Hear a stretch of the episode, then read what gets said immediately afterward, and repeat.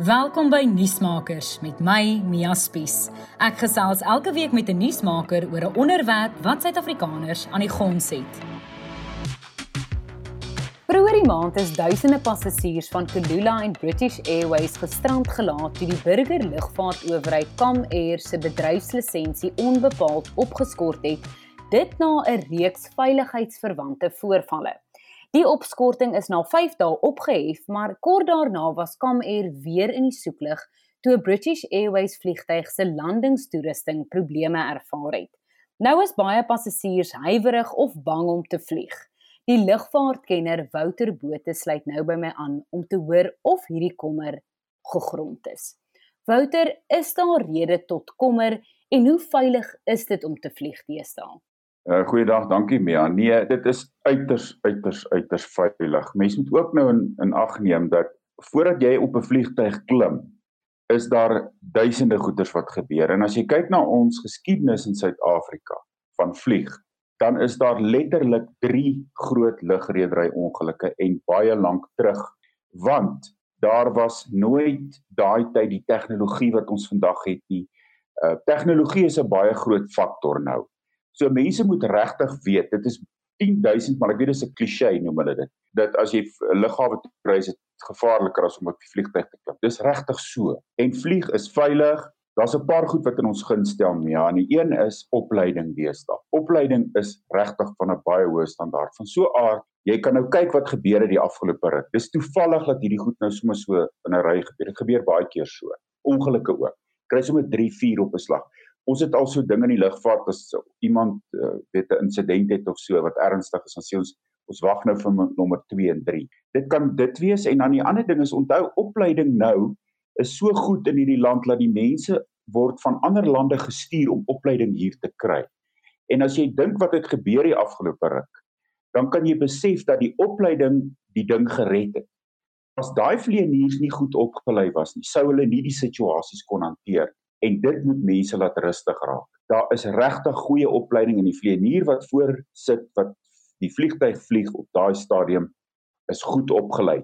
So dit kan jou rustig maak. As daar 'n situasie ontstaan, dan moet jy weet hulle sal dit kan hanteer 99.9999 keer van die van die vlugte. Wouter het nou genoem dit was meestal tegniese probleme wat ook die rede was byvoorbeeld dat Comair se vlugte gegrond was. Byvoorbeeld die laaste een was die foutiewe landingstoerusting. Dit laat nou weer vra ontstaan, ja. wat is die toestand van Suid-Afrika se vliegtye? Ons weet baie mense is bekommerd oor dat van die vliegtyg dalk miskien oud is. Waarom hierdie tegniese probleme en wat is die rede daarvoor? As jy kyk na 'n vliegtyg soos die Beech 18 wat uh gebruik word op Randse lughawe. Daai vliegtuig is in 1959 gebou. Dit gaan oor onderhoud. Met ander woorde, daar's eh, die opleidingsvliegtuig waaraan jy klim, die die kleiner vliegtuie soos mense dit noem, hier op Wonderboom of Lanseria of Randse lughawe of wat ook al, is gemiddeld gebou hier in die vroeë 60s, 70er jare. Nou daai vliegtuie vlieg nog steeds en van daai vliegtuie vlieg 2 tot 300 ure in 2 maande. So die onderhoud is verskriklik belangrik, maar mens moet 'n baie uh, duidelike skeidslyn trek tussen algemene lugvaart en lugredery. Lugrederye se onderhoud word volgens 'n skedule gedoen en 'n beplanning. En hulle sal nie sommer laat iemand aan die vliegtye werk wat nie gekwalifiseer is nie. Daar is miskien hier en daar 'n uitsondering, maar jy kan maar net weer teruggaan in die geskiedenis. Die vliegtyg wat geval het van Suid-Afrikaanse lugdiens, die Rietbok in in 1967 was definitief uit 'n lugvaartoogpunt dui op 'n vlieëniersfout. Dis die eerste ding. Die tweede ding is die vliegtuig wat geval het by Windhoek, die 727, ook 'n vlieëniersfout as jy kyk baie mooi in die ding ontleed en so aan.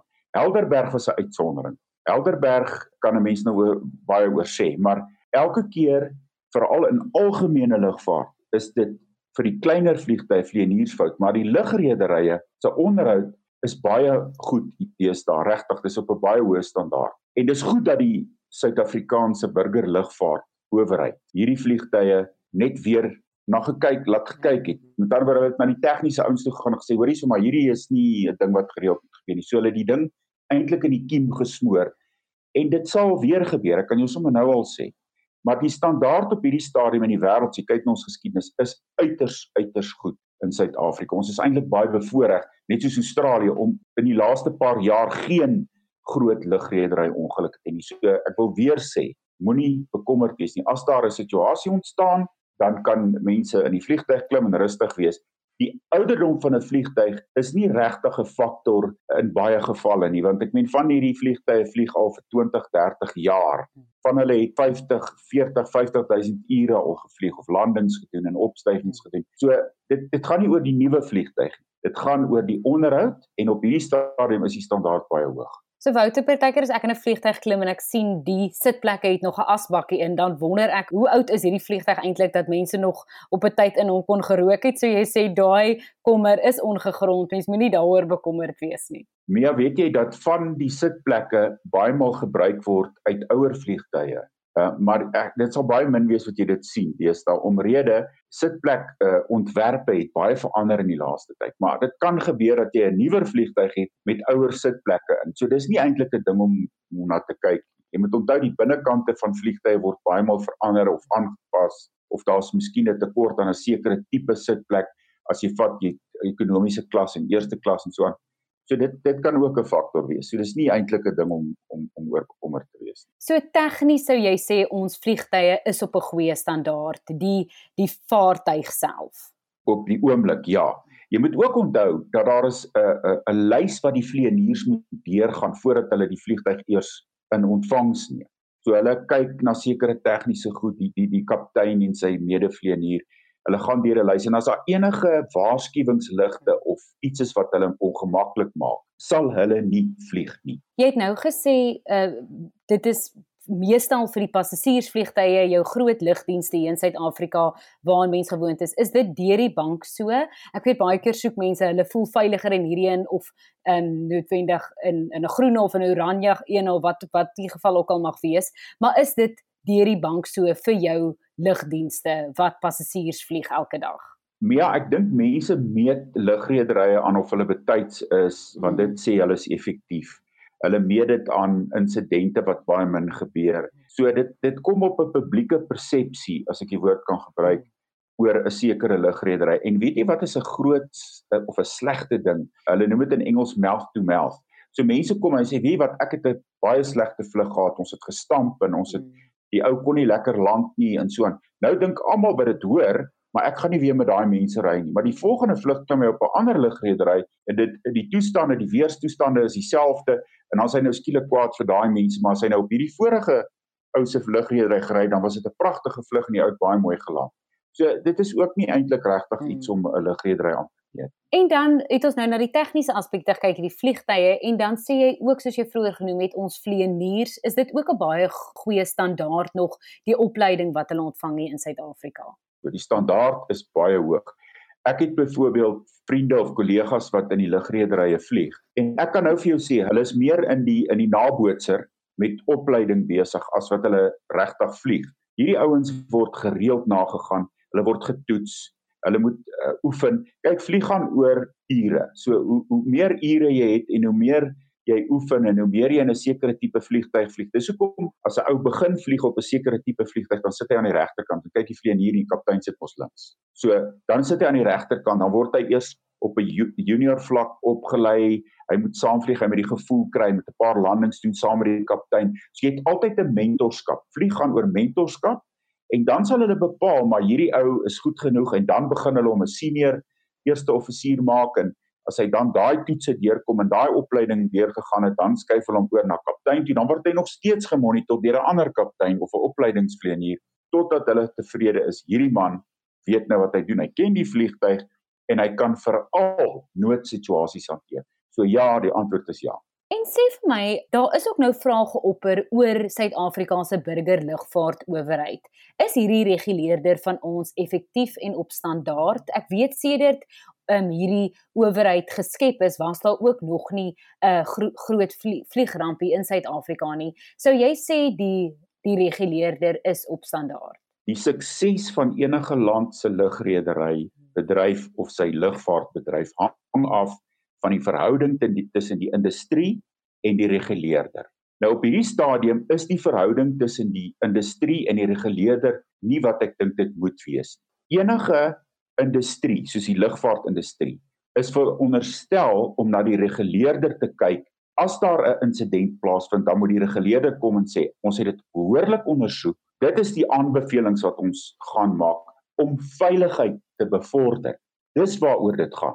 Nou op hierdie stadium gebeur dit dat daar baie keer ondersoeke is wat dalk jy weet gedoen word deur persone wat miskien nie lugvaartmense is nie wat weet in diens is van die reguleerder en die ideale situasie is eintlik as jy 'n ongeluk ondersoek moet jy 'n mate van 'n agtergrond hê van vlieg of van die lugredery of so. Nou is van hulle, daar's baie, daar's goeies ook. Ek ken 'n paar van hulle wat regtig 'n passie het vir hulle werk by die reguleerder. Maar ongelukkig in die situasie waar ons nou is, is die verhouding tussen die industrie en die reguleerde nie wat hy behoort te wees nie. En dit is as gevolg van die gewone stories wat maar in al die plekke in die regering of in die in die industrie of in die reguleerder op die op hierdie stadium is.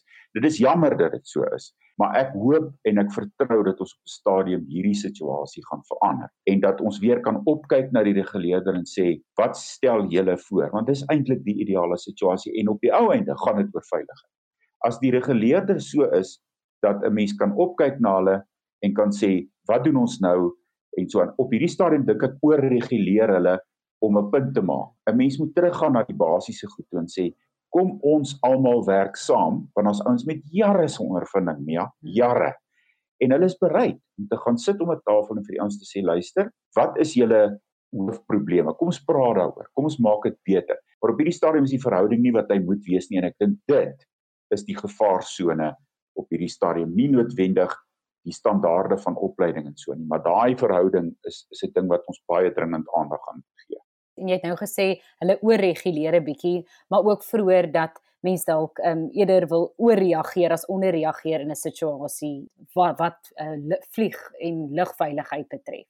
Kyk, toe die insident plaasgevind het met die uh, Civil Aviation Authority se vliegtuig daar in George, hmm dan hoor jy ag maar as hulle nie hulle eie standaarde kan jy weet reghou nie en en en navolg nie hoe kan hy nou in my loods instap en vir my sê hoorie maar daai en daai en daai is nie reg nie. Dis nie geloofwaardig nie. En dit is die gevaar waarmee ons nou sit. Ons moet kan opkyk na hulle en sê julle moet vir ons leiding gee met samewerking. Ons het jare se ondervinding. Ons weet wat ons doen. Ons vlieg elke dag. Ons is op grondvlak. Kom eerder na ons toe en kom ons praat daaroor. Want jy weet, daar was baie van die industrie, van die ouer vleieniers en so wat gesê het, ons is bereid om om mentors te maar as gevolg van jy weet politieke inmenging en so aan het ons 'n probleem dat hierdie ouens sê ja maar ons wil nou nie eintlik met hierdie ouens praat nie. Ons is nou in beheer so nou moet julle nou maar vat wat het, wat na julle kant toe kom. En dit is eintlik 'n baie baie gevaarlike situasie En dis natuurlik daai noodlottige ongeluk van die burgerlugvaartowerheid vliegtyg in 2020 wat jy daarna verwys het by die George lughawe. Dis heeltemal reg. Sy registrasie was Zulu Sierra hmm. Charlie Alfa Romeo. Dit was 'n uh, citation, ja. So gepraat van noodlottige ongelukke, daar was natuurlik 'n vlugramp hierdie naweek gewees daar in China. Ehm um, van ek dink is in die ooste van China 132 mense aan boord is dood toe 'n Boeing 737 neergestort het. Wat veroorsaak in vandag se dag en tyd so 'n voorval en moet mens bekommerd wees daaroor? Wat gebeur het kan op hierdie stadium net spekulasie wees en dis die gevaar van so 'n situasie. Dis te gou om te sê. Maar nou het jy twee ouens soos Dan Grider en Juan Brown wat lugredery vlieëniers is in Amerika en hulle is wêreldwyd bekend op YouTube. Hulle het kanale wat hardloop. Een se kanaal is Blanco Lirio en die ander is Dan Grider en en so aan.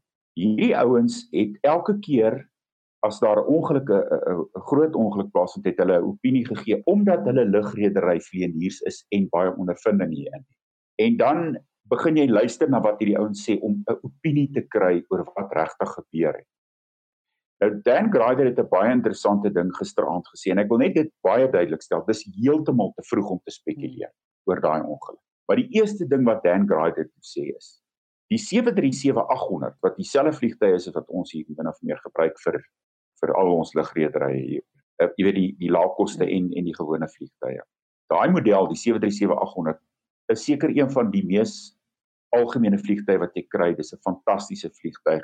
Dis verseker die meeste vliegtye wat op die op hierdie stadium in die lug is. Hy het 'n baie interessante ding gesê. Hy het gesê Eerstens kan ek nie nou vir julle sê wat gebeur nie, maar ek ken daai vliegtyg en iemand moes daai kontroles van daai vliegtyg in so 'n manier hanteer het dat hy van 9000 of of 29000 voet ewe skielik reg af grond toe duik. Daai tipe vliegtyg en die stelsels wat daarin is en die waarskuwingsstelsels en die en so aan laat dit net nie toe dat so vliegtyg so gebied, jy weet, so val nie. So hy spekuleer op hierdie stadium dat dit die vlieënier was wat miskien besluit het hy gaan nou maak soos die ou van German Wings wat die klomp mense doodgemaak het of die ou Namibië. So dit is op hierdie stadium die spekulasie, maar dit is heeltemal te gou om te sê want daai tipe vliegtyg sal nie sommer net uit die lug uit ewe skielik van daai hoogte af sy neus afdruk grond toe en vlieg. Daar's te veel stelsels wat dit sal keer. So 'n 'n persoon moes letterlik daardie kontroles op een of ander manier uh, gemanipuleer het. So nee, ek dink dis 'n uitsonderlike geval. Jy het nou weer genoem dit is gewoonlik as iets fout gaan, is dit die menslike aspek waar die fout lê, nie noodwendig die tegniese aspek nie. Ons weet ehm um, daar was ook voorheen, ek dink dit was Malaysia Airlines ook 'n soortgelyke geval. Kan mens die vlieëniers vertrou dan op daai punt? Is daar genoeg ondersteuning vir vleieniers en word ook hulle geestesgesondheid en so aan nagegaan dat mens seker maak dat hulle as dit op die ou ende die menslike aspek is seker maak dat hulle 133 mense se hande veilig is 'n mense se lewe veilig in hulle hande het. Ek dink nie dit is op hierdie stadium voldoende nie. Ek het 'n geval gehad in die reeks wat ek gedoen het laas jaar waar 'n uh, ou wat deur sy meisie gelos is in in 'n vliegtyg gaan klim met 'n kleiner vliegtyg daar op Brandse lughawe uit opgestyg nadat hy eers 'n paar oproepe gemaak het en toe gaan vlieg hy in 'n gebou vas hier in Johannesburg om sy meisie te probeer doodmaak. En die fout wat hy toe maak, hy vlieg in die verkeerde gebou vas. En dit sê vir jou sy geestestoestand was, hy sy fokus was nie daar nie. Hy was ongelooflik ek weet nie of dit depressie was of wat dit was nie, maar toe vlieg hy twee ongelukkig twee ou mense of senior mense dood wat hy eintlik nie wou doen nie en en dit is omtrent 'n kilometer van waar hy wou wees. So nee, ek dink daar moet aangewerk word die die kans dat jy in 'n vliegtuig klim en iemand voor in die kajuit is is geestelik 'n bietjie onstabiel. Gaan dink maar terug in die geskiedenis hoeveel keer dit gebeur. Ek kan dit op my een hand tel. Maar ek dink nog steeds dat die industrie moet daarna ernstig kyk en gelukkig is daar twee vlieëniers en in ons geval of in baie lugrederye veral in Afrika en in die derde wêreldlande is dit 'n probleem want die hulle dit word glad nie hierna gekyk. Mm. Verstaan jy, dit is absoluut nie so nie. Ek het byvoorbeeld in die Kongo in 'n vliegtuig geklim en op 'n stadium toe sê die kaptein, maar hy gaan hy hy voel nie lekker nie, so die die medevlieënier gaan gaan nou vlieg. En toe sit 'n Duitse ouetjie wat vlieg, die medevlieënier. Mm. Hy het nou kom ure bou daar in die Kongo. En toe ek na die tyd toe gaan ek na hom toe, toe sê ek van hoorie wat het gebeur? Toe sê hy nee, hierdie ou het net gevoel sy hy het probleme by die huis en so aan en hy gaan en hy het my net gesê neem oor. Ek sê maar hoeveel weet tyd het jy op hierdie vliegtuig? Toe sê hy nee so 200 ure. Nou dit is amper of jy 'n mes deur my hart trek. So ek is mhm. baie dankbaar dat ons daai dag daarom veilig kon land en ek haal my hoed vir die ouetjie af. Maar dit word nie goed genoeg na gekyk neem ja. En dan Wouter, wat ek gewonder het is as mens sien hier is hierdie donderwolke en dit reën verskriklik. Ehm um, hoe belangrik is weerstoestande? Wat se impak het dit uh, en ook hoe weer verander oor tyd. Ons weet met klimaatsverandering, dit is ook aan die verander. So die weer van die dag, as jy sien hoe dit reën, ek sien nou nie kans vir hierdie vlug nie of wind of wat die geval mag wees, maar ook oor die langer termyn met ehm um, klimaatsverandering. Het dit ook wat se impak het dit op jou die veiligheid van jou vlug? Die stelsels wat vliegtye, veral die lugrederye in die vliegtyg het, is genoeg om jou te waarsku. So met ander baie keer as ons onder radar beheer vlieg, as ek nou byvoorbeeld van die Noord-Kaap af terugvlieg hier na Johannesburg toe, dan is ons onder radar beheer.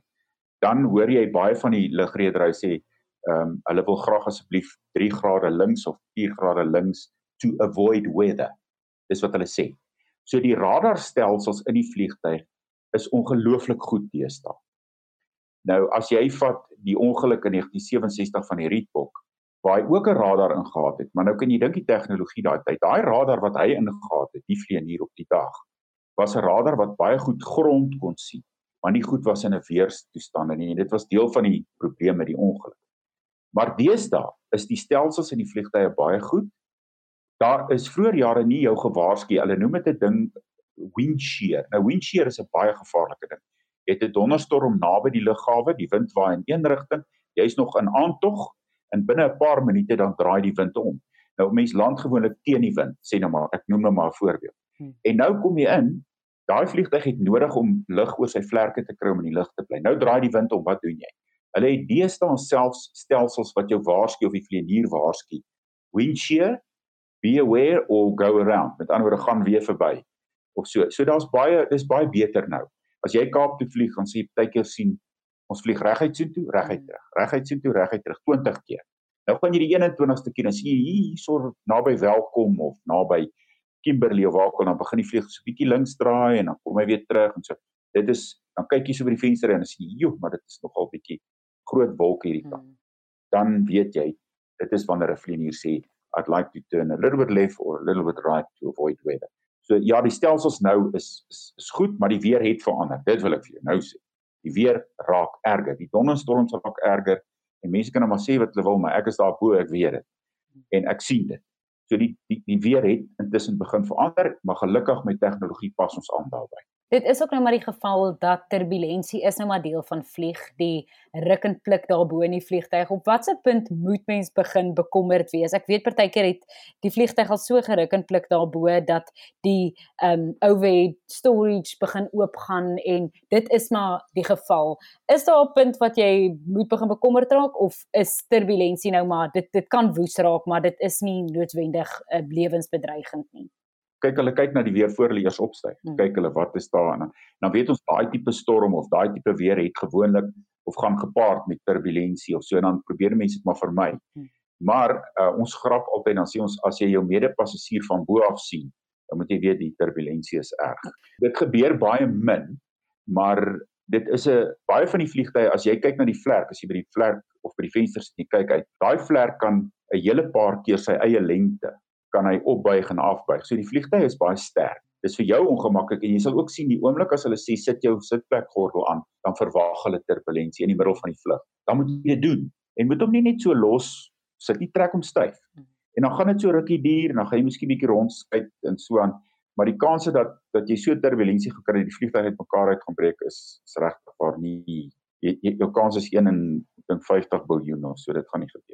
Pouter, jy hou ook ehm um, natuurlik alles bo in die lug fyn dop. Jy het ook 'n uh, opwindende reekse wat mense ook kan dophou. Vertel ons net 'n bietjie meer daaroor. Ja, ek het laas jaar die Flights to Nowhere reeks gehad op DStv uh, eh, waar ek gekyk het na al die vermiste vliegtye in Suidelike Afrika. Daar's so 10 van hulle en dan so hier en daar nog 'n geval bygesit. Ek is op die oomblik besig om wrakke wat weg is in ons geskiedenis te soek So dis baie baie opwindend, dis baie uitdagend. Glo my, daai wrak is vir 'n rede nog nie gekry nie. Hmm. En ek praat van in die see en op land. So ek's besig met so 'n reeks en dan gaan ons later in die jaar begin met 'n reeks oor ons eie aircraft accident investigation of ongeluk Suid-Afrika. Net om vir mense te sê ons is nie anders as die res van die wêreld nie, hmm. alhoewel ek baie trots is om te sê dat uh, die lugredery bedryf doen goed die die algemene lugredery soos ehm um, ek, ek mense hou van die woord microlights en kleiner helikopters en en so aan en en en jy weet die Cessnas en die Beechcrafts en die sulke goed waar die mense mee vlieg 2 3 4 5 sitplek 6 sitplek. Daar is nogal 'n bietjie op wêreldstandaard is ons min of meer waar almal is maar daar's baie baie baie meer ongelukke in die algemene lugvaart met die kleiner vliegtye as jy dit moet vergelyk met die rugredery bedryf. So ja, maar dit, jy moet ook verstaan, jy weet dis 'n kleiner vliegtyg, maar ek kan nou vir jou sê die kans dat jy in 'n klein vliegtyg 'n probleem gaan ontwikkel is, is selfs 1 uit 'n paar miljoen. So dis ook nie so sleg nie. Maar lugredery doen ons goed en so ek is besig om die fokus te plaas op hoe veilig is vlieg en ook die interessantheid daarvan. Ek dink mense wil bietjie in plaas van kook en hare kam en weet sulke goetertjies kyk, wil hulle ook bietjie kyk na die onverklaarde geheime van Suidelike Afrika. En ons is nou besig met daai reekse om hulle te vervilm op hierdie stadium. Ons sal dit beslis dophou, Wouter, en dan net laastens, mense wat nou 'n bietjie op hulle senuwees is, wat bang is, iemand wat dalk vanmiddag 'n vlug het, net 'n boodskap aan hulle. Is hulle veilig daarbo? Ek hoop julle geniet die vlug. Ek hoop julle hou lekker vakansie as jy gaan vakansie of doen goeie besigheid. Ehm um, wees versigtig as jy lughawe toe ry in jou motor Maar die oomblik as jy in die vliegtyg gaan sit, gee ek jou toestemming om heerlik te ontspan en die uitsig te geniet. Ons is baie bly om as industrie vir jou te neem na jou eindbestemming. Nuusmakers met Mia Spies is 'n produksie in samewerking met die Potgooi Produksiehuis Volume. Ons vervaardigers is Roland Perolt en Kairen Blau. Moenie volgende week se episode misloop nie wanneer ek weer by 'n kenner aanklop om lig te werp oor 'n kwessie waaroor ons meer moet weet.